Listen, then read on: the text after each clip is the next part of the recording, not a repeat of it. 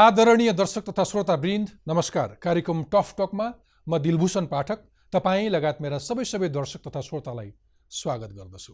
तपाईँ यो कार्यक्रम टफ टकको आफ्नो युट्युब च्यानलमा त्यसै गरी यस कार्यक्रमका प्रस्तुतकर्ता इन्टरफेस नेपालको web page interface Nepal dot com र हाम्रो पात्रो एपमा हेर्न तथा आइओएस चलाउने श्रोताहरूले आइट्युन्स तथा एन्ड्रोइड चलाउनेहरूले नेपाली पडकास्टमा पनि टफ टक सुन्न सक्नुहुनेछ। यो साता सरकार अधिनायकवादी दिशामा अघि बढेको भन्दै त्यसको भण्डाफोर र आफ्नै सङ्गठन सुधार समेतका लागि नेपाली कङ्ग्रेसले मुलुकभर राष्ट्रिय जागरण अभियान थालेको छ। अभियानको पहिलो चरणमा पार्टीका शीर्ष नेताहरू पनि देशव्यापी दौडामा निस्केका छन्। उता प्रधानमन्त्री केपी शर्मा ओलीले आलोचनाकै बीचमा पनि भियतनाम र क्याम्बोडिया भ्रमण गर्नुभएको छ। त्यहाँ गएर उहाँले नेपालमा पर्यटन र नेपाली उत्पादनको निर्यात गर्ने लगायतका विषयमा दुवै मुलुकसँग सम्झौता गर्नुभएको छ। यता त्रिभुवन विश्वविद्यालयका उच्च पदस्थ अधिकारीहरूले सेवा आयोगको परीक्षामा आफ्ना नातेदारको मात्र नाम निकालेर जागिर खुवाउने प्रयास गरेको आरोप छ। नातेदारहरू मात्र पास भएको रिजल्ट आएपछि अख्तियार दुरुपयोग अनुसन्धान आयोगले परीक्षा सम्बन्धी सबै कागजात जफत गरी छानबिन थालेको छ। अब लागौँ आजको विषयतर्फ। लोकतन्त्रको आधारभूत मध्येको एक खम्बा हो प्रेस स्वतन्त्रता जसको काम राज्यको निगरानी गर्नु हो। त्यसैले नेपालको हरेक लोकतान्त्रिक आन्दोलनहरूमा प्रेस अग्र मोर्चामा लड्दै आएको छ। त्यही बलमा स्थापित लोकतान्त्रिक गणतन्त्रात्मक व्यवस्थामा प्रेस झन सुरक्षित हुनुपर्ने हो। तर सरकारले हालै संसदमा मिडिया काउन्सिल सम्बन्धी विधेयक पेश गरेपछि नेपाली प्रेसमा खैला बैला मचिएको छ। संविधानले पूर्ण प्रेस स्वतन्त्रताको सुनिश्चितता गरे पनि यो सरकारले न्यायिक अधिकार सहितको नियन्त्रित मिडिया काउन्सिलको प्रस्ताव गरेको र यसले मिडियाहरूको स्वतन्त्रतापूर्वक लेख्ने प्रकाशन र प्रसारण गर्ने अधिकार कुण्ठित हुने आरोप लागेको छ। सञ्चार मन्त्रालयले सरकारवालाहरूसँग पर्याप्त छलफलै नगरी संसदमा विधेयक पुर्याएको भन्दै मुलुकभरका पत्रकारहरूको छाता सङ्गठन नेपाल पत्रकार महासङ्घ आन्दोलनमा उत्रिएको छ। सरकारवाला निकाय र नागरिक अधिकारमा काम गर्ने सङ्घ संस्थाले विधेयक फिर्ताको माग गरेका छन्। तर सरकार विधेयक फिर्ता लिने पक्षमा छैन। अनि सरकारका प्रवक्ता सञ्चार मन्त्री गोकुल बास्कोटा पत्रकारहरूले सुरु गरेको आन्दोलनलाई प्रायोजित भनिरहनु भएको छ र विधेयकका प्रावधानहरूको बचाउ गरिरहनु भएको छ। मिडियालाई छाडा हुन नदिन र अहिलेभन्दा मर्यादित र व्यवस्थित बनाउनका लागि यस्तो कानुन ल्याउन लागि उहाँको दावी छ। खास यो कानुन अहिले नै किन ल्याउन खोजियो? मिडिया नियमन गर्ने तरिका यस्तै हो त? अनि नेपालका मिडियाहरू चाहिँ कति जिम्मेवार ढङ्गले चलिरहेका छन्। मिडिया र त्यसमा काम गर्ने पत्रकारहरूको अवस्था कस्तो छ? पत्रकारको न्यूनतम पारिश्रमिकको मुद्दा किन प्रेस स्वतन्त्रतासँग जोडिन्छ? र हाम्रो मिडियाले चाहिँ आफ्नो मर्यादा राख्न सकेको छ कि छैन? मिडियाले आफ्नो सामाजिक उत्तरदायित्व कति बुझेको छ त? जे मन लाग्यो त्यही लेख्दै हिँड्न छुट छ। समग्रमा मिडिया चाहिँ कुन दिशामा छ? यस्तै प्रश्नको जवाब खोज्दै वर्तमान नेपाली मिडियाको चरित्र र अवस्था समीक्षा गर्न आज मसँग हुनुहुन्छ पत्रकार सुधीर शर्मा। झन्डै साढे दुई दशकदेखि पत्रकारितामा सक्रिय शर्मा नेपाल साप्ताहिकमा करिब पाँच वर्ष र कान्तिपुर दैनिकमा करिब दस वर्ष प्रधान सम्पादक रहिसक्नु भएको छ। आउनुहोस् स्वागत गरौँ आजका मेरा अतिथि चर्चित पुस्तक प्रयोगशालाका लेखक पत्रकार सुधीर शर्मालाई। सुधीरजी टकटकमा स्वागत छ। धन्यवाद। आरामै हुनुहुन्छ? राम्रो छ ठिक छु। म सिधै विषयमै प्रवेश गर्छु। सरकारले संसदमा पेस गरेको यो मिडिया काउन्सिल विधेयकले त गजबकै तरङ्ग ल्यायो साह्रै ठुलो खैला बैला। यसले वास्तवमा असर कसलाई पारिरहेछ? नेपालमा फेरि हाम्रोमा तरङ्गहरू आइरहेको छन् एक एकवटा तरङ्ग आउनै पर्ने जस्तो हुन्छ होइन? एउटा सकिएपछि अर्को आउँछ। असर त मलाई लाग्छ यो सरकारलाई नै बढी पारिरहेछ। किनभने जो जो कर्ता हो जसले ल्यायो होइन त्यसले गर्दाखेरि जति यसको नेगेटिभ इम्प्याक्ट पर्नुपर्ने हो त्यो सरकारपट्टि नै परेछ जस्तो मलाई लाग्छ। यतापट्टि आत्तिएको चाहिँ को छ? अलिक आत्तिएको। भन्दा पनि म आत्तिएको शब्द प्रयोग गर्न चाहन्न। मूलत यो गलत छ भन्ने मलाई लाग्छ। त्यसले गर्दाखेरि यो गलत छ भनेर प्रतिवाद गर्ने होइन यो गलत किन छ भनेर भन्ने काम चाहिँ नागरिक समाजबाट पत्रकारिताबाट र आम स्तरबाटै आम जनस्तरबाटै भइरहेछ जस्तो मलाई लाग्छ। त्यस्तो हो कि साँच्चै एउटा इमान्दार पत्रकारलाई यसले कति फरक पार्छ? अथवा प्रकाशक हामी त आजभोलि प्रकाशकलाई मालिक भन्ने चलन छ त्यो स्वभावहरूको कारणले पनि होला। एउटा पत्रकारलाई कति फरक पर्छ अनि एउटा मालिकलाई कति फरक पर्छ? मालिक भन्दा पनि प्रकाशक भनौँ होइन? प्रकाशक अथवा व्यवस्थापकहरू जो छन् उनीहरूभन्दा पनि बढी प्रेस स्वतन्त्रताको यो मुद्दा अहिलेको मुद्दामा मलाई लाग्छ मालिक अथवा प्रकाशक अथवा पत्रकार सबैले जो जेन्युइन छन् सबैले कन्सर्न राख्नुपर्ने छ यसमा होइन? डे टु डे काममा बढी पत्रकारलाई पर्ला तर अन्ततोगत त्यसले व्यवस्थापकलाई पनि परि नै हाल्छ मलाई के लाग्छ भने तपाईँले भन्नुभएको कुरा झट्ट यो खालको तर्कहरू म सुन्छु बेला बेला। रा- राम्रो काम गऱ्यो भने त के भयो र जे कानुन भयो भने के फरक पर्छ र भन्ने हुन्छ नि होइन? तर त्यो कानुन कसरी आइरहेछ? त्यसको अन्तर्य के हो? नियत के हो? मनसाय के हो? भन्ने कुरा पनि हो होइन? र हाम्रो संवैधानिक परिधि होइन? संविधान हो नि त मूल कानुन। संविधानले परिकल्पना गरेको जुन प्रेस कसरी चल्ने भन्ने जो एउटा परिकल्पना छ त्यो त्यो बााउन्ड्री नागेको हो कि त्यो परिधि नागेको हो कि भन्ने जो अहिले प्रश्न उठाएको छ त्यो जेन्युन छ जस्तो मलाई लाग्छ। तर कानुनले संविधानको परिधि नाग्न मिल्दैन। तर भन्नेलाई त किन भन्ने ठाउँ छ भने पत्रकारले मन खुसी जे लाग्यो त्यही लेखिरहेछन्। छाडा पनि त्यति नै धेरै छ। प्रकाशकहरूको पनि आफ्नो स्वार्थ छ फेरि होइन? उनको पनि आफ्नो धन्दाहरू छ त्यतापट्टि पनि हामी जाउँला। त्यो सबै गरिरहेको एउटा दृश्य देख्दाखेरि अनि आएको विधेयकमा यति धेरै खैला बैला यति धेरै आत्तिएको देख्दाखेरि अथवा षड्यन्त्रै देख्ने भनेको चाहिँ त्यो अलिक बढी आत्तिएको हो कि भन्ने पनि टिप्पणी चाहिँ छ मलाई दिलभूषणजी के लाग्छ भन्दाखेरि यो चाहिँ जुन हिसाबको अहिले कानुन प्रस्ताव गरिएको छ त्यो चाहिँ तपाईँले भन्नुभएको जस्तो पत्रकारितामा कमी कमजोरी डेफिनेटली छन् नभएको होइनन् धेरै छ। पत्रकारितामा पत्रकारमा हामी पत्रकारमा पनि धेरै खालको हिजो नदेखिएका कमी कमजोरी पनि अचेल बढ्न थालेका छन् होइन? अथवा हिजोदेखिकै प्रवृत्ति पनि बाँकी होला। दोस्रो यसको लगानीकर्ताहरूमा पनि यस्ता अन्य खालका नयाँ समस्याहरू पनि देखा पर्या होलान्। प्रविधिमा नयाँपनहरू आएछ जुन हिसाबले इलेक्ट्रोनिक मिडियाहरू आएछ सामाजिक सञ्जालहरू जसरी बढाएका छन् अनलाइनहरू जसरी बढाएका छन् त्यसले गर्दा हिजो हामीले पत्रकारिता भन्दाखेरि प्रिन्ट मात्रै भनेर जो हेर्ने थियो होइन एउटा अखबारी पत्रकारिता मात्रै त्यो थिएन। तपाईँले अहिले हामी कुरा गरिरहेको टेलिभिजन नै हाम्रोमा धेरै सुरु भएको दुई दशक मतलब निजी क्षेत्रबाट पनि भएको छैन होइन? त्यसले गर्दाखेरि नयाँपन नौलोपन आएको छन्। त्यो अनुसारले कानुनहरू कतिपय निकायहरू त्यो हिसाबले परिमार्जित हुनुपर्छ होइन? तर त्यो कसरी गर्ने भन्ने कुरा चाहिँ मुख्य हो क्या? हामी त्यो गर्नलाई अगाडि पो बढ्ने हो त। अहिले अगाडि बढिरहेको छैन। यो जो अहिले कानुनको विधेयक मैले पढेँ त्यो पढ्दाखेरि हामी अगाडि बढ्ने होइन कि? हामी त पछाडि गइरहेको हामी छौँ त्यो बिस्तारै ठिक भएन हामी भन्ने हो। त्यस- त्यसलाई बिस्तारै फुकाउँदै जान्छौँ। मैले अलिकति सुरुमै अलिकति चरित्रको कुरा चाहिँ किन गर्न खोजिया भने जस्तो न्यूनतम पारिश्रमिकको कुरा सरकारले उठाउँदाखेरि केही सञ्चार संस्थाहरूले प्रेस स्वतन्त्रतासँग पनि जोडे होइन? आफ्नो अनुकूलको व्याख्या पनि गरे। अनि आफूसँग त साधन छ आफूसँग सञ्चार माध्यम छ अनि जसरी बोल्दा पनि त भयो आफ्नो अनुकूलमा। यो तर्कलाई तपाईँ के होइन? दिलभूषणजी यस्तो जस्तो लाग्छ मलाई। यो कुरा यसमा धेरैवटा आयाम छन्। पत्रकारिता पनि एउटा मात्रै एकतिर पत्रकार एकतिर सरकार एकतिर पाठक भन्ने पनि होइन होइन? सबै कुरा सरकारले गरेको कुरा चाहिँ गलत हो अथवा सबै हामी पत्रकारले उठाएको कुरा जायज हो पनि म भन्न चाहन्न। खास गरी जस्तो तपाईँले अहिले सन्दर्भ उठाउनु भएको न्यूनतम पारिश्रमिकको जे कुरा छ मलाई लाग्छ सरकारले त्यो जुन अलिकति पहल लियो सञ्चार मन्त्रालयले त्यो सकारात्मक छ सकारात्मक थियो। त्यसलाई लिएर प्रेस स्वतन्त्रता हनन भयो भनेर खास गरी यो पत्रकारले भने होइन फेरि यो व्यवस्थापकहरूले लगानीकर्ताहरूले भनेको होइन। त्यो जुन आवाज उठायो त्यो त हास्यास्पद हो नि त आफैमा। त्यसले गर्दाखेरि त्यो चिजमालाई त म धेरै सिरियसली पनि लिन्न न्यूनतम पारिश्रमिक लागू हुनुपर्छ नियमसङ्गत हुनुपर्छ। त्यसमा सरकारले बरु त्यो चिजमा अलिकति कडी कडाउ नै गरोस् न म त्यसको समर्थन गर्छु। तर त्यसको अर्थ यो होइन कि हामीले प्रेसको लागि जुन दायरामा हामी प्रेस प्रेसको एउटा अभ्यास गरिरहेका छौँ त्यसलाई रोक्ने गरी त्यसलाई नियन्त्रण गर्ने गरी सरकार जसरी आएछ त्यो गलत भइरहेछ भन्ने मलाई लाग्छ। त्यसो भए एउटा अर्को जेनरल प्रश्न आरोप पछि अनि हामी बिस्तारै यसलाई के हुन्छ। लाउँछ एउटा लार्जर आरोप चाहिँ के छ भने यस्ता मागहरू अथवा यस्ता आवाजहरू अक्सर पत्रकारको हकमा चाहिँ के हुन्छ भने पत्रकारले सारालाई न्याय गरेको भन्ठान्छ। ऊ स्वयं आफै संस्थाभित्र कुण्ठित अवस्थामा हुन्छ। उसले आफ्नै कुरा बोल्न सक्दैन। र यतिखेर पनि त्यो प्रेस स्वतन्त्रताका अनेकन तिगडम अथवा अनेकन नाटकको कुरा गरे पनि अन्तत त्यो पत्रकारले अथवा कुनै सङ्घ अथवा सङ्गठनले चाहिँ व्यवस्थापकहरू अघि मैले भनेको मालिकहरूको मुद्दा बोकेर सडकमा आइरहेका हुन्छन्। भनेर भन्छ तपाईँ कसरी भन्न सक्नुहुन्छ कि यो पटक पनि एउटा पत्रकारको मुद्दासँग भन्दा पनि यो प्रकाशकसँग अथवा यहाँभित्र चलखेल गर्नेहरूको इन्ट्रेस्टमा छ?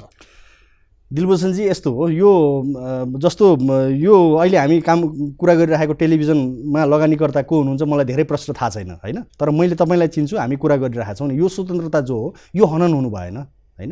त्यसले गर्दाखेरि अहिले जो जेन्युन यो मिडिया काउन्सिलसँग सम्बन्धित कुराहरू जे आएको छ यो चिज भनेको चाहिँ पत्रकारको काम गर्ने स्वतन्त्रतासँग जोडिएको कुरा छ। पारिश्रमिकको अथवा लगानीका कुराहरू आउँछन् भने त्यो व्यवस्थापकसँग लगानीकर्तासँग आउला होइन?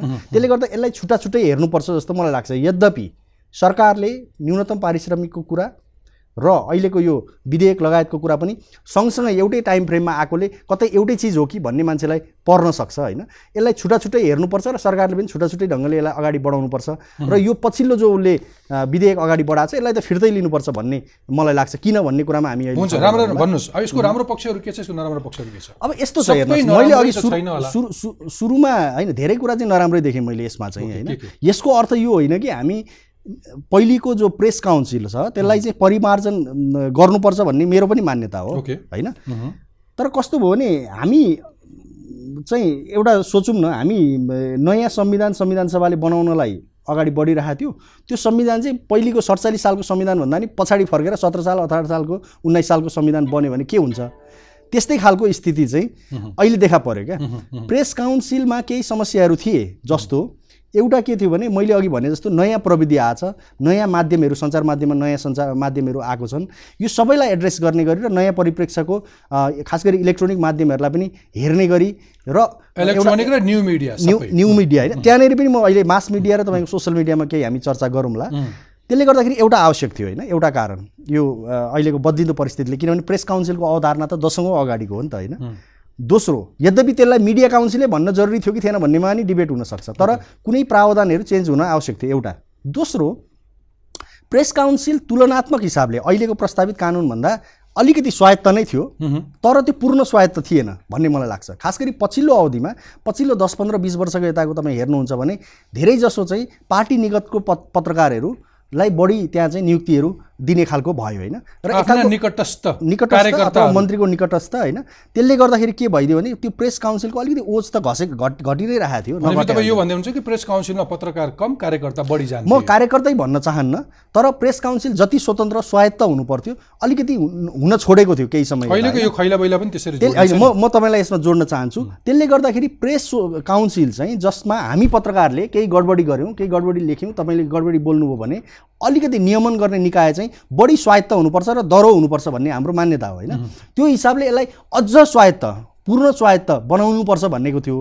भन्दाखेरि अहिलेको कानुनले पूर्ण स्वायत्त बनाउने त होइन उल्टो कसनेतिर लग्यो क्या। दुईवटा कुरा गर्यो यसले। एउटा तपाईँको के गर्यो भने यसलाई हिजो जति सञ्चार मन्त्रालयले या सरकारले जति नियन्त्रण गर्न सक्थ्यो त्योभन्दा बढी यो त एउटा के भने अहिले एउटा सञ्चार मन्त्रालयको एउटा शाखा जस्तो बनाइदियो होइन? किन बनाए हामी छलफल गरौँला। एउटा त्यो गडबडी भयो। हामी अझ स्वतन्त्र हुनुपर्ने स्वायत्त हुनुपर्ने उल्टो दिशामा गयौँ। दोस्रो के हो भन्दाखेरि त्यो उल्टो दिशामा गएकोले के के असर पार्न सक्छ हामी चर्चा गरौँला। दोस्रो के भयो भन्दाखेरि यसले चाहिँ आफूलाई अदालत जस्तो हिसाबले दण्ड दिने एउटा निकायको रूपमा सजाय दिने निकायको रूपमा सजाय भनेको आर्थिक सजाय है त्यो खालको निकायको रूपमा आफूलाई डेभलप गर्यो। यो प्रेस काउन्सिलको विश्वव्यापी मान्यताभन्दा। हजारदेखि दस लाखसम्म जरिमानामा आपत्ति डेफिनेटली त्यो गर्ने काम भनेको चाहिँ अदालतले गर्न सक्ला? तर प्रश्न के हो भने मेरो फेरि पनि एउटा इमान्दार पत्रकारलाई सजायसँग के मतलब? यो चाहिँ कस्तो कुरा मानौ। भयो? दिलभूषणजी यो एकदमै नाइब कुरा हो जस्तो लाग्छ मलाई। होइन, जस्तो तर- तर- जेसुकै कानुन भयो भने के फरक पर्यो? जुनसुकै संविधान जुनसुकै शासन व्यवस्था भयो भने के फरक पर्यो र आफू इमान्दार हुँदैन भने मैले के। भन्दैछु भने एउटा भैँसी चोरलाई भैँसी चोरलाई चाहिँ सजाय कम भइदिए हुन्थ्यो भन्ने चाहना हुन्छ। त्यो भैँसी चोर्दै चोर्दैन म चोर्दिनँ भन्ने थाहा छ भने। भैँसी चोरलाई सजाय कम होस् या बढी होस् के छ के छ। मतलब? यसलाई अर्को पार्टबाट पनि अथवा मैले। किन भनिरहेको छु भने चरम मन परी छ नि पत्रकारिता छ। गर्नेहरू। छ। त्यसको उपाय छ नियन्त्रण गर्ने। होइन? मर्यादामा त पत्रकार बसेको देखिँदै देखिँदैन नि। धेरै। धेरै जस्तो अत्यधिक आचार संहितालाई मनन गरेर पत्रकारिताको न्यूनतम त्यसका मोरल्सहरूको ग्राउन्डमा टेकेर पत्रकारिता गर्ने सङ्ख्या त साह्रै न्यून छ नि त। मार परेको त त्यो सारा त्यो त्यो बदनामले गर्दाखेरि म तपाईँसँग यो आक्रोश व्यक्त गरिरहेको छु यद्यपि हामी एउटै एउटै एउटै क्षेत्रमा काम गर्छौँ। त्यो समस्या त छ नि। त्यसकारण तपाईँ हामीले एउटा चाहना गर्न सक्दैनौँ कि आचार संहिताबाट बाहिर निस्किने कुनै पनि पत्रकारलाई कानुनले छोड्नु हुँदैन। उसलाई अधिकतम दण्ड पनि दिनुपर्छ एकदम एकदम। जेलमा कोच्नु पनि पर्छ झुन्डाउनु पर्छ पत्रकारले किन छोड्छ? होइन झुन्डाउनु पर्दैन झुन्डाउनेमा नपुगौँ। त्यो सिम्बोलिक रूपमा तर के हो भने कानुन अनुसार कारवाही हुनुपर्छ दण्ड जरिवाना पनि हुनुपर्छ। म त्यसमा म त्यसको बर्खिलापै छैन पत्रकारहरूमा विसङ्गति छैन पनि म भनिरहेको छैन। तर गर्ने तरिका हुन्छ। ओके। होइन गर्ने तरिका हुन्छ। विश्वव्यापी एउटा प्रुभन एउटा हाम्रो हिस्ट्री छ कसरी पत्रकारहरू कार्यरत हुन्छन् भन्ने कुरा होइन जस्तो। यो खालको सजायहरू दिने काम भनेको अदालतको काम हो। अदालतले गर्छ यो चिजहरू। तपाईँको एउटा एउटा सरकारी निकायले तपाईँलाई कन्ट्रोल गर्न थाल्यो भने तपाईँ र मैले अहिले गरेको कन्भर्सेसन उहाँलाई चित्त बुझेन भने मानौँ एउटा प्रस्तावित जो अहिलेको निकाय बन्दैछ तपाईँलाई लगेर के जेल हाल्ने? तपाईँलाई लगेर झुन्ड्याउने? तपाईँलाई लगेर चाहिँ आर्थिक जरिमाना गर्ने? त्यो त्यो अधिकार छैन। अब यसलाई अलिकति सैद्धान्तिक हिसाबले भन्दाखेरि के हो भन्दाखेरि पत्रकारले चलाउने कलम या बोल्ने या कार्यक्रम चलाउने यो भनेको चाहिँ के हो भन्दाखेरि यसले एउटा त्यस त्यत्तिकै चौथो अङ्ग भनिएको होइन नि त। तिनवटा अङ्गलाई होइन? राज्यको तिनवटा अङ्गलाई पनि यसले चाहिँ अलिकति आलोचनात्मक हिसाबले हेर्छ है। हो बिल्कुल। होइन? खास गरी सरकारले गरेको काम कारबाहीलाई यसले। आलोचनात्मक हिसाबले हेर्छ।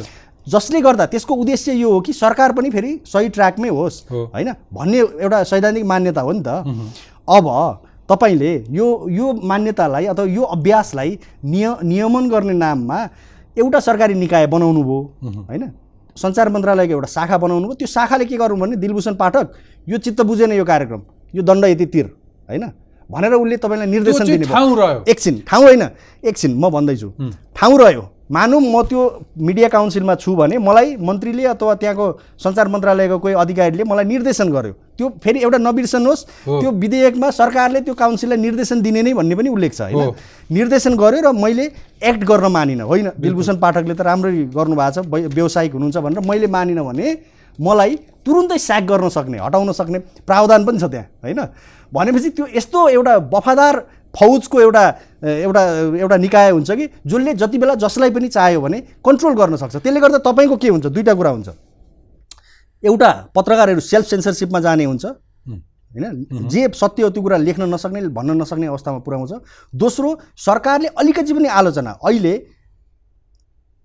सामान्य अवस्थामै पनि जुन खालको अलिकति शक्तिमा पुगेको मान्छेहरूले आलोचना सहन नसक्ने प्रवृत्ति हाम्रो समाजमा छ यो यति धेरै अधिकार सम्पन्न हुन्छ कि उसले चाहेको बेला जे पनि कारवाही आउँछु। सक्छ। म आउँछु। त्यो सरकारको त्यो क्यारेक्टर किन किन सरकार यो मुभमा छ? मेरो नेक्स्ट क्वेसन हो। त्योभन्दा अगाडि मैले तपाईँसँग प्रश्न गर्न खोजिहालेको चाहिँ मेरा पनि केही आपत्ति अथवा विमतिहरू छन् जस्तो कि तपाईँको नियुक्ति नियुक्तिको प्रक्रिया आफैमा पनि। कसले नियुक्ति गर्ने?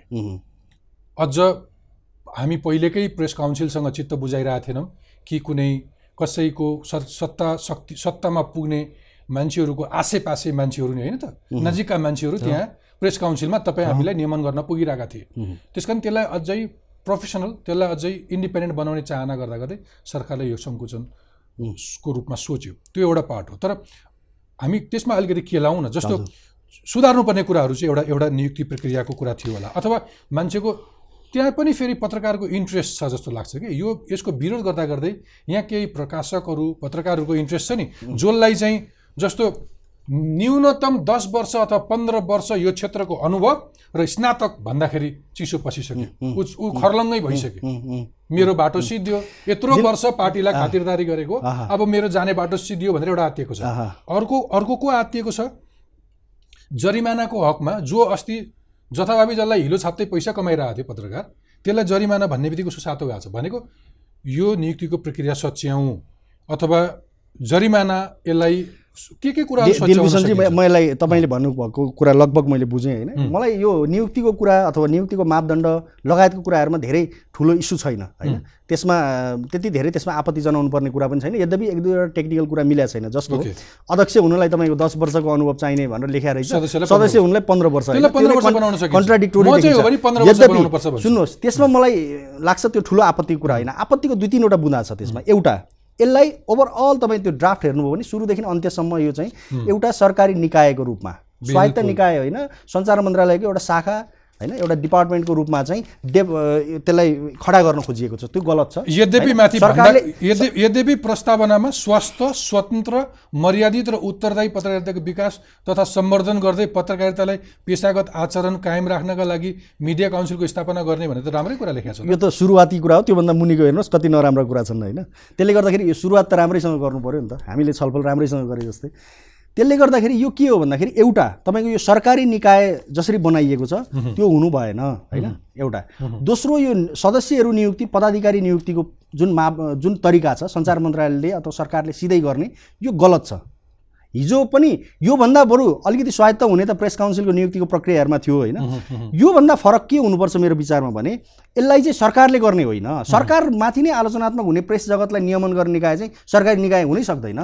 त्यसले गर्दाखेरि यसलाई सायद एउटा प्रस्तावको रूपमा के हुनसक्छ भने संसदले गर्न सक्छ होइन? संसदको सभामुख हुनसक्छ विपक्षी नेता हुनसक्छ सत्तारूढ दलकै सचेतकहरू हुनसक्छ त्यस्तो केही समिति हुनसक्छ नि त। एउटा कोही नागरिक समाजको अथवा रिटायर्ड कुनै जज हुनसक्छ होइन? त्यस्तो खालको एउटा अटोनोमस बडीले चाहिँ नियुक्ति गर्यो। र नियुक्ति गरिएको व्यक्तिलाई तुरुन्तै हटाउन सक्ने सरकारले जसरी हटाएको छ त्यो सक्ने खालको प्रावधान चाहिँ अलिकति कडाइको साथ राख्यो भने मलाई के लाग्छ भने त्यसले चाहिँ एउटा साँच्चैको अटोनोमस हुन्छ जो पदाधिकारी त्यहाँ जानुहुन्छ उहाँहरूले अलिकति दृढ भएर काम गर्न सक्नुहुन्छ। सरकारले नियुक्ति गर्ने यो जो अहिलेको प्रावधान छ गलत छ यो हटाइनुपर्छ। तेस्रो आर्थिक दण्ड जरिमाना। मलाई पनि लाग्छ कतिपय कुरा तपाईँ के कुरा गर्नुहुन्छ? आम मान्छेलाई कस्तो होला? हामी पत्रकारलाई नै हाम हाम्रै साथीभाइ हाम्रै बिरादरीका साथीभाइले यति धेरै कहिले लेखिदिन्छन् होइन? दिक्क त लाग्छ नि त- मैले पछि भन्ने ठाउँ छ? होइन भन्ने ठाउँमा एकचोटि त के भयो भने भन्ने ठाउँमा जाउँ न त भनेर जान खोजेको प्रेस काउन्सिल उहाँ त त्यहीँ पदाधिकारी हुनुहुँदो रहेछ होइन? अब स्थिति यो छ। म त्यही म भन्दै त्यसले गर्दा आम मानिस पनि पीडित हुनु परेको छ नभएको होइन। तर तपाईँ साँच्चैको एउटा स्वायत्त निकाय बनाउनु भयो भने तपाईँले न्याय पाउनुहुन्छ त्यहाँ जानु पनि हुन्छ होइन? तर फेरि त्यो निकायलाई तपाईँ आर्थिक दण्ड जरिमानाको चाहिँ प्रावधान राख्नुभयो भने त्यसको दुरुपयोग हुन्छ। त्यो गर्ने त्यहाँबाट होइन यसले चाहिँ के हुन्छ भन्दाखेरि प्रेस चल्ने भनेको यस्तो हुन्छ। तपाईँलाई यस्तो हुन्छ। प्रेस जगतलाई मर्यादित बनाउने भनेको अथवा मर्यादित हुने भनेको चाहिँ यसलाई के हो भने आफै भोलिन्टियरली हिसाबले चाहिँ मिडिया आफैलाई चाहिँ त्यो हुनाउने नैतिक हिसाबले चाहिँ त्यो एउटा मापदण्डमा बस्ने बनाउने हो होइन। काहीँ गलत काहीँ गलत काम भयो भने मिडिया काउन्सिल मिडिया काउन्सिल अथवा प्रेस काउन्सिलले बोलाएर उसलाई कुरा गर्न सक्छ सचेत गराउन सक्छ लेख्न सक्छ स्पष्टीकरण सोध्न सक्छ? यो प्रावधानहरू हुन्छ छलफल गराउन सक्छ। सुन्नुहोस् त्योभन्दा न्यायिक निकाय होइन प्रेस काउन्सिल अथवा मिडिया काउन्सिल होइन। त्यसले गर्दाखेरि यदि त्योबाट पनि भएन तपाईँलाई क्षतिपूर्ति चाहिन्छ तपाईँले कसैको चरित्र हत्या गर्नु भएको छ भने त्यो पछिको बाटो भनेको जुन हिसाबले अरू अरू प्रोसेसमा अरू निकायमा अरू अङ्गमा हामी जान्छौँ अदालतमा अदालतमा जाने हो। त्यो बाटो त क्लियर छ नि र तपाईँले मेरो चरित्र हत्या कसैले गर्यो भने मलाई एकदमै ठिक लागेन भने मैले अदालतमा मुद्दा हाल्न सक्छु। र चरित्र हत्या बापतको मैले क्षतिपूर्ति पनि अहिले नयाँ कानुनले फौजदारी जुन मुलुक ऐनमा जो संशोधन गरेको छ त्यसले तप तपाईँलाई त्यो बाटो खोलिदिएको छ होइन? अन्य कानुन पनि छन्। त्यसले गर्दाखेरि यो दण्ड आर्थिक दण्ड अहिले सरकार धेरै जसो चाहिँ धेरैवटा कानुनमा आर्थिक दण्डमा गइरहेको छ। यो आर्थिक दण्ड चाहिँ अदालतलाई नै छोडिदिनुपर्छ। आम संसार विधेयक मार्फत आओस् न जायज खालको दण्ड जरिमानाको कुराहरू। त्यसमा एक हदसम्म। एकजना चिकित्सकले फोन गरे अनि उनी आफ्नो ख्याति सामाजिक प्रतिष्ठा भएको र उनले मलाई बडो भावुक भएर के भने नि म यो पेसामा विशुद्ध सेवा गर्न आएको थिएँ। र आजसम्म मैले धेरैको उपचार गरेँ। बिरामीहरू मलाई फलफुल लिएर भेट्न आउँछन् आदर सम्मान गर्छन् इन्स्टिट्युसनका सारा मान्छेले इज्जत गर्छन्। आज अरू धेरै मिडियाले बरु मेरो राम्रो पक्षहरूको बारेमा लेखिरहेको थिएँ मलाई त्यो धेरै चिन्ता थिएन वास्ता थिएन। तर एउटा कुनै सन्की पत्रकारलाई एकाएक रिस उठ्यो र उनले मलाई हिलो छापेर लेखे मसँग के उपचार छ भनेर सल्लाह माग्दै। त्यो तिनीहरूले त्यो त्यो एक दिन लेखिएकोले उनको अनुहारमा जुन हाल हिलो पोतियो नि। त्यो लेखिसकेपछि सिद्धियो नि होइन त्यो यस्तो हुन्छ। त्यसमा त्यसमा चाहिँ अब के हुन्छ भने त्यसमा। तपाईँ नियतवश गरेको हो कि अथवा त्रुटि भएको भन्ने दुईवटा कुरा हुन्छ? नियतले त्रुटि- नि गर्छन् नि त्रुटि भयो भने। सम्बन्धित संस्थाले होइन जनरलाइज चाहिँ नगरौँ नै भन्छु म होइन त्यसले। गर्दाखेरि सबै हामी उस्तै हो भन्नेमा गयौँ भने। फेरि बस अर्कैतिर जान्छ यो यो आफूभित्रको धेरै विकृतिहरू देखिन्छ त्यस कारण म तपाईँलाई पटक पटक ठिक छ अब बेसिकली तपाईँको आशय म के बुझिरहेको छु भने दिलभूषणजी एउटा म करेक्सन गरिहालौँ। मेरो भनाइ यो सम- सम्पूर्ण भनाइको यो अर्थ होइन कि हामीमा पत्रकारिता गर्ने हामीमा। कमजोरी छैन मैले भन्न खोजेको होइन। कमजोरी सच्याउने उपायहरू अरू उपायहरू हुन् गलत दिशातिर हामी गइरहेछौँ मात्रै म बिल्कुल होइन म आफै पनि फेरि मेरो आफ्नो अर्को पनि तर्क छ कि आज मुलुकमा नागरिकलाई सुसूचित गर्ने सवालमा मिडियाको यति ठुलो योगदान छ कि हरेक नागरिकलाई हरेक संयन्त्रमा राज्यको हरेक निकायमा कसरी काम भइरहेको छ कसरी कारवाही भइरहेछ जनताले कति सहजता महसुस गरेका छन् अप्ठ्यारो महसुस सारा कुरा लेख्ने गर्छौँ। एउटा एउटा एउटा सडक कसरी बन्दैछ भोलि कसरी बिग्रियो त्यहाँसम्म गाउँसम्म पुगेको छ हरेक नागरिक। आफै पनि एक किसिमको चेतना आएको छ बोल्न सक्ने तर्क छ कुन प्रधानमन्त्रीले कहाँ बदमासी गरे कुन प्रधानमन्त्री प्रधानमन्त्रीले साँच्चै राम्रो काम गरे त्यो जनतालाई सुसूचित गर्ने काम हामीले पनि छौँ त्यो त्यो स्वतन्त्रता पनि प्रयोग गरेका छौँ तर तपाईँको अलिकति लार्ज अलिकति एउटा ठुलो आरोप चाहिँ अब सरकारतिर लागौँ कि एउटा बुझाइ चाहिँ के हो भने सरकार आफै यो आलोचनाहरू सुन्न सकिरहेको छैन। त्यसकारण मिडियाका अनेक कानुनहरू लिएर आएर अलिकति सङ्कुचन बनाउन खोज्दैछ। यो क्षेत्र भन्ने चाहिँ वास्तविक त्रास हो यो पत्रकारिता जगतको। अब यस्तो छ पत्रकारिता मात्रै होइन मलाई लाग्छ आम नागरिक जमातमै पनि इभन सत्तारूढ पार्टीकै पनि कतिपय नेताहरूले अनौपचारिक हिसाबले कुरा गर्दाखेरि उहाँहरूले पनि आश्चर्यचकित हुनुहुन्छ जुन घटनाक्रम अहिले भइरहेको छ होइन। त्यसले गर्दाखेरि केही कानुनको जसरी ड्राफ्ट भएको छ त्यो हेर्दाखेरि चाहिँ कतै सरकार नै अनुदार पथतिर गइ गइरहेको त होइन भन्ने आशंका आएको छ होइन। तर म अहिले बेनिफिट अफ डाउट दिन चाहन्छु। यो चाहिँ एउटा सञ्चार मन्त्रालयबाट आएको केही कानुनले गर्दाखेरि यो खालको भान परेको होला।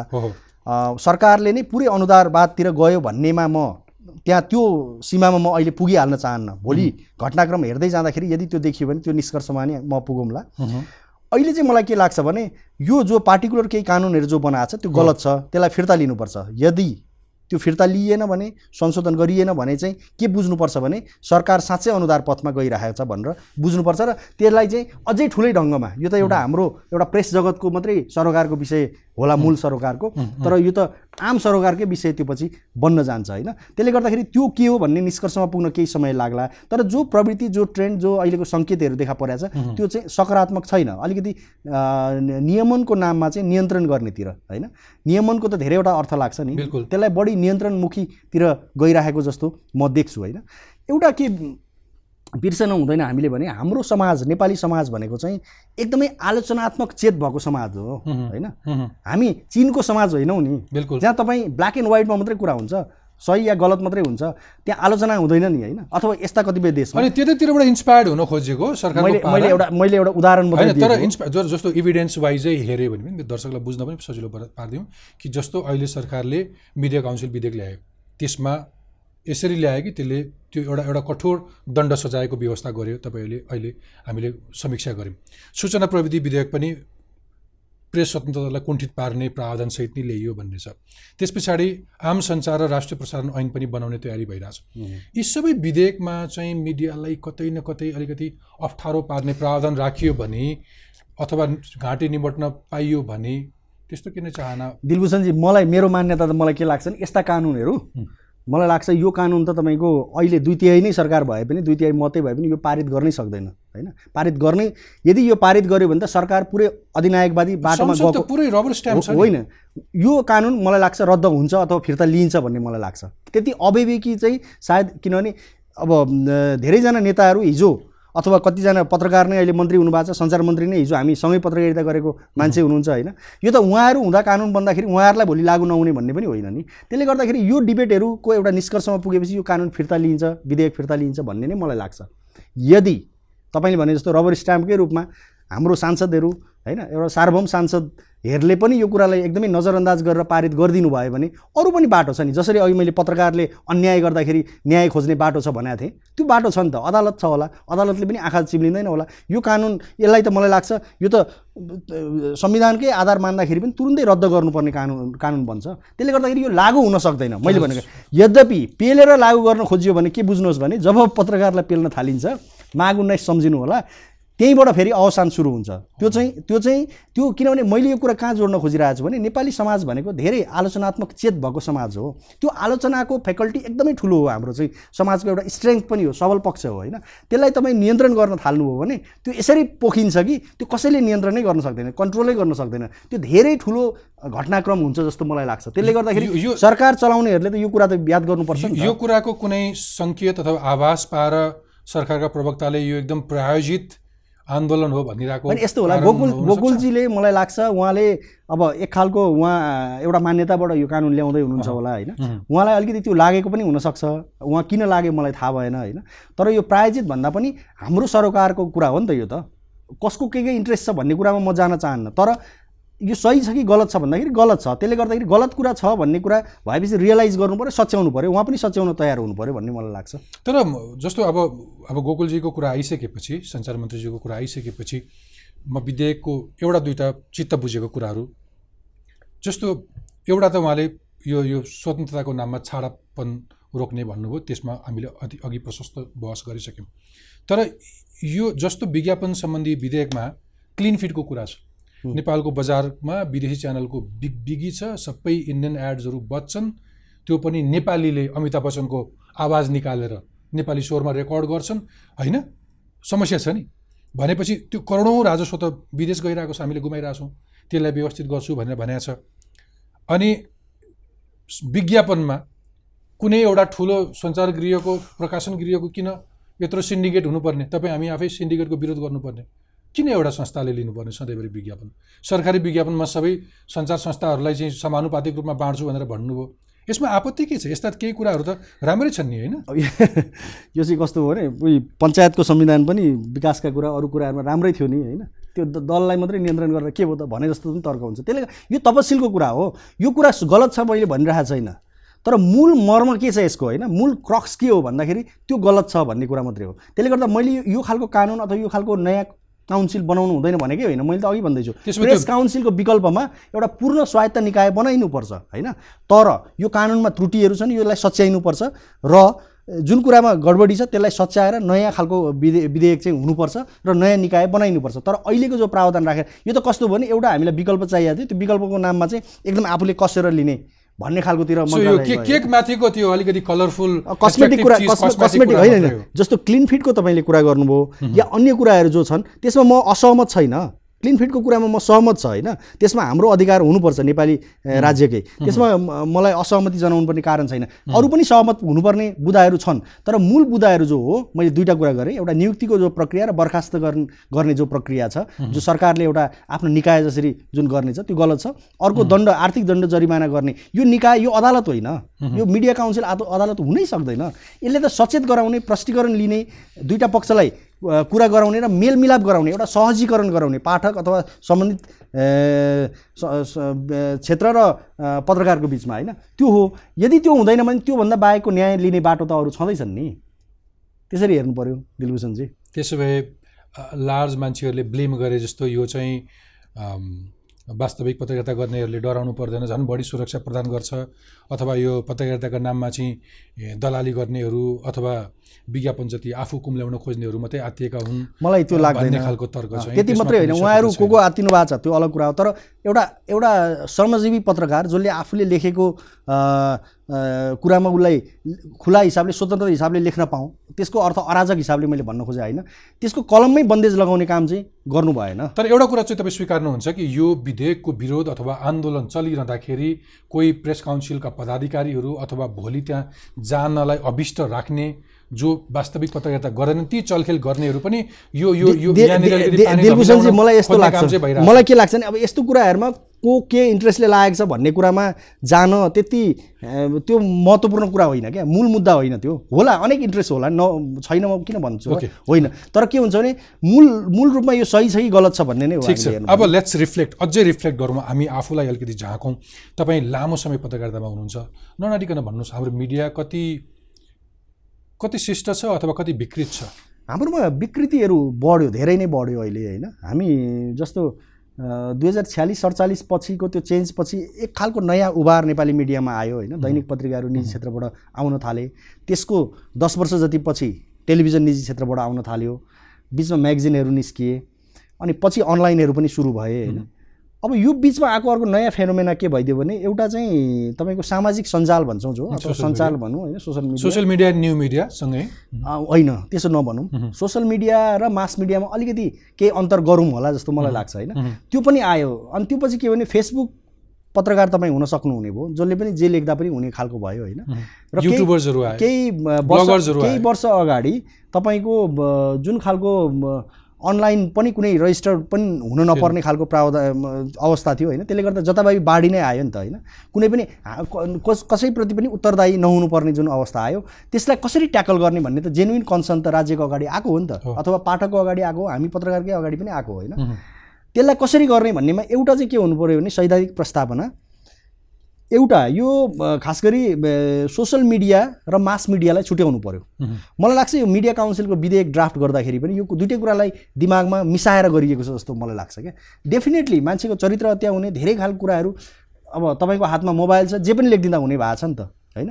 तर त्यो त मास मिडिया त होइन नि त कुनै संस्था पनि होइन कुनै पत्रिका पनि होइन कुनै सञ्चार माध्यम पनि होइन। तर तपाईँले ट्रेडिसनल अथवा परम्परागत मास मिडिया भनेर भनेको होइन। पत्रकारिता भन्दा बढी रिच त यसको छ। होला होला त्यो होला। तर मैले के भन्न खोजिरहेको छु भने मैले संस्थागत हिसाबले अनलाइन पत्रिका चलाइरहेको छु कि मैले फेसबुकमा चाहिँ त्यो कुरा लेखिरहेको छु होइन?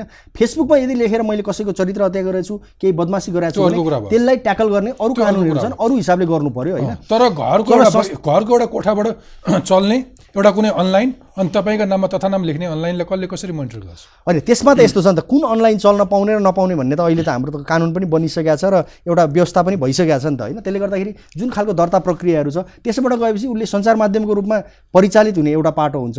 त्यो सोसल मिडिया र यो मास मिडियालाई जोड्न भएन जस्तो मलाई लाग्छ। त्यो जथा त्यो एउटा पार्ट भयो। तर हाम्रो आफ्नै तपाईँले भनिरहेकै राज्यको संयन्त्रले देखिरहेको तपाईँले जज गरिरहेकै मिडिया जुन प्रिन्ट अथवा ब्रड अथवा इलेक्ट्रोनिक मिडियाहरू जुन छन् तपाईँले भनेको सोसियल मिडियालाई छुट्याउँदा पनि ती आफू चाहिँ कति उत्तरदायी छन् अब यसलाई अझै अझै बृहत हिसाबले भन्दाखेरि हाम्रो पत्रकारितामा नेपालको पत्रकारितामा यो मोडमा आएर तिन खालको समस्याहरू मैले देखिरहेको छु होइन हाम्रो एउटा चाहिँ येल्लो जर्नलिजम नै हो जसलाई हामीले पित पत्रकारिता भन्छौँ यो खालको कसैको चरित्र हत्या गरिदियो कुनै रेस्पोन्सिबिलिटी छैन जे पनि गरिदियो अनि तपाईँको यो खालको एउटा प्रवृत्ति छ यसलाई एउटा ट्याकल गर्नुपर्ने छ अर्को एउटा फेक न्युजको पनि हाम्रोमा धेरै अहिले बढेको छ खास गरी यो अनलाइन जुन दर्ता पनि नगरिएको फेसबुकहरू मार्फत जो आउने चिजहरू छ जताभावी फेक न्युजहरू आउने खालको एउटा ट्रेन्ड हाम्रोमा बढेको छ होइन?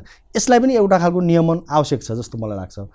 तेस्रो हाम्रोमा पेड न्युजको पनि भारतमा जुन हिसाबको जुन स्केलमा भइरहेको छ अभ्यास आठ दस वर्षदेखि त्यो स्केलमै पुगिसक्यो म भन्न सक्दिनँ तर त्यसको रोगहरू हाम्रोमा भित्रिएको छ होइन? अब यो चाहिँ सिधै फेरि लगानीकर्ता अथवा प्रकाशकहरूसँग पनि जोडिने कुरा आउँछ होइन? यहाँ चाहिँ पत्रकारको रोल भन्दा पनि बढी चाहिँ व्यवस्थापनको रोल हुन्छ। यो पेड न्युजको पनि नयाँ समस्याहरू देखा परेका छन्। यो तिनवटालाई ट्याकल कसरी गर्ने भन्नेमा एउटा त मिडिया जगतले नै पनि आफ्नो ढङ्गले जो यसको अग्रणी संस्थाहरू हो अग्रणी व्यक्तित्वहरू हो एक खालको छलफलहरू चलाउन जरुरी छ होला। हाम्रोमा केही पनि गडबडी छैन। भनेर तपाईँ बस थाल्नुभयो भने गलत हुन्छ। हाम्रोमा यो यो विकृति छ भनेर हामीले बस थालेर यसलाई ट्याकल कसरी गर्ने भन्न थाल्यौँ भने चाहिँ मलाई लाग्छ सुधारको उपायहरू एउटा अझ अर्को रमाइलो तपाईँ यसमा ए अर्को के थपिदिउँ भने पेड न्युज सँगसँगै अर्को चाहिँ कुनै आम सरोकारको विषय भनेर उठान गरे जस्तो गर्ने अनि त्यहाँ कुनै प्रलोभन आएपछि अथवा कुनै लेनादेना भएपछि अनि त्यो विषयलाई चटक्कै उठाउन छोड्ने पनि चलन छ। छ। यसलाई पेड न्युज भन्दा चाहिँ पैसा दिएर समाचार लेख्यो भन्ने मात्रै हो। बुझ्छ यो- यो यसरी पनि पेड हुन्छ। यो न्युज आएपछि। त्यो मुद्दा चर्लकै छोड्ने छोडिदिने पैसा गर्लम्मै लिने। हो। ठुला संस्थाहरू नै लाग्छ। त्यो पनि छ। कतिपयमा मैले देखिरहेको छु कुनै एकदमै राष्ट्रिय महत्त्वको मुद्दाहरू आइराखेको हुन्छ होइन? तर एउटा अब राम्रै चलेको सञ्चार माध्यममा त्यो चिज चाहिँ एकदमै नआएको पनि देखिन्छ होइन? हुँदाखेरि आयो कि आएन? केही ठुल्ठुला मुद्दाहरू उठाउनु भयो आम सरोकारका मैले म सम्पादक हुँदा मैले मेरो पेसागत एउटा दायित्व अनुसार जति इमान्दारितापूर्वक काम गर्नुपर्ने गरेको छु र त्यसमा त्यो लेभलको हस्तक्षेपहरू छैन। तपाईँले थाहा नपाइकन प्रकाशकले अथवा मालिकहरूले चलखेल गरे त्यस्तो खालको आएको छैन। त्यो मूल मुद्दाको रूपमा त्यसरी आएको छैन। ओके। एउटा कुरा नि यो अलिकति अब अलिकति व्यावसायिकताको कुरा गरिसकेपछि अलिक स्वार्थ समूहको पनि कुरा गरौँ ल पछिल्लो समय चाहिँ मिडियामा अलिकति स्वार्थ समूहहरूको हाबी भएको हो जस्तो म यसलाई अलिकति ब्रेकडाउन गरौँ। अ, तपाईँले बुझिसक्नुभयो तर मेरो दर्शकलाई बुझाउन मन लाग्छ मलाई कि मानौँ कुनै एउटा व्यक्तिको दसवटा कम्पनीहरूमा लगानी छ।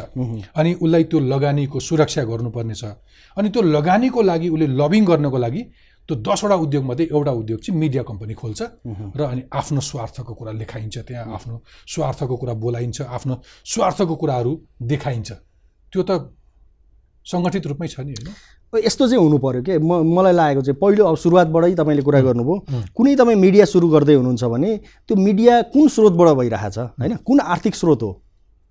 भन्ने कुराहरूमा पारदर्शिता हुनु पर्यो एउटा होइन? त्यो कुरा लेख्न सकिन्थ्यो। त्यसमा होइन लेख्न सकिन्थ्यो। त्यसलाई चाहिँ त्यसलाई नियमन गर्नु पर्यो जहाँ हान्नुपर्ने हो त्यहाँ हानेको छैन। जहाँ नहान्नुपर्ने जहाँ चाहिँ उ गर्नुपर्ने त्यहाँनिर गरेको छ। विदेशी लगानी चाहिँ आउन दिन्न भनेर भन्दै हुनुहुन्छ मैले। विदेशी मात्रै होइन, यहीँभित्र पनि कसले कहाँबाट पैसा होइन त्यो पारदर्शी हुनु पऱ्यो नि त। तपाईँ पारदर्शिताको पाठ सबै दुनियाँलाई सिकाउने होइन? अनि मिडिया चलाउने। अनि तर त्यही मिडियाको आर्थिक पाटो चाहिँ पारदर्शी नहुने। पुरै घाटामा वर्षौँदेखि दशकौँदेखि चलिरहेका सञ्चार माध्यम पनि छन् नि त। कहाँबाट पैसा आइरहेछ मैले मैले के भन्न खोजेँ हो भने एउटा एक दुईवटा कुराहरू ख्याल गर्नु पऱ्यो एउटा स्रोत के हो भन्ने कुराहरूमा हुनु पऱ्यो र एउटा मापदण्ड तोकिनु पऱ्यो कसले लगानी कति कस्तो खालको गर्न पाइने मिडियामा भन्ने खालको हुनु पऱ्यो होइन? दोस्रो चाहिँ कन्फ्लिक्ट अफ इन् इन्ट्रेस्ट हुनु भएन क्या। जस्तो एउटा तपाईँ मैले मिडिया पनि चलाउने मैले अर्को व्यवसाय पनि गर्ने त्यो व्यवसायको लागि चाहिँ हितको लागि चाहिँ मिडियालाई दुरुपयोग गर्ने। त्यो प्रवृत्ति पनि त देखा परेको छ नि त होइन? त्यसले गर्दाखेरि यो खालको चिजहरूमा पनि कानुनले रोक्नु पर्यो होइन? यस्तोमा कानुन नबनोस् भनेकै छैन नि बन्नु पर्यो। तपाईँको अघि अनलाइनहरूको अथवा अरू मिडियाको जुन खालको सिन्डिकेटहरूको जो कुरा छ होइन? जताभावी तपाईँको बार्गेनिङ गर्ने ब्ल्याकमेलिङ गर्ने जो प्रवृत्ति छ त्यसलाई रोक्नुहुन्छ त्यसले गर्दाखेरि त्यो चिजहरूमा अलिक गएको छैन। यो चाहिँ नियन्त्रणमुखी सरकारले कन्ट्रोल गर्ने सरकारको आलोचना। तपाईँ जति भ्रष्टाचार गर्नुहोस् पत्रकारिताबाट जति जे जे गर्नुहोस् मतलब छैन। सरकारको आलोचना नगर्नुहोस् है भन्ने खालको जुन एउटा आशय यो विधेयकमा देखियो त्यो गलत छ मैले भन्न खोजेँ। जो विकृति छ त्यसलाई नियन्त्रण गर्नेतिर पो जानु पऱ्यो त। ठिक छ। अब अर्को विकृति फेरि कोट्टाउँ ल पछिल्लो समय देखिएको चाहिँ जस्तो व्यावसायिक प्रकाशन गृह आफैले एउटा कुनै समाचार लेख्छ। हजुर। ठुलो हेडलाइन्स बनाएर अगाडिको पानामा अनि त्यो समाचारको खण्डन गर्नको लागि भनेर विज्ञापन कसैले लिएर आउँछ अथवा खण्डन गर्न आउँछु भन्यो भने विज्ञापन लिए भनेर ठुलो विज्ञापनमा गलत खण्डन छापिन्छ।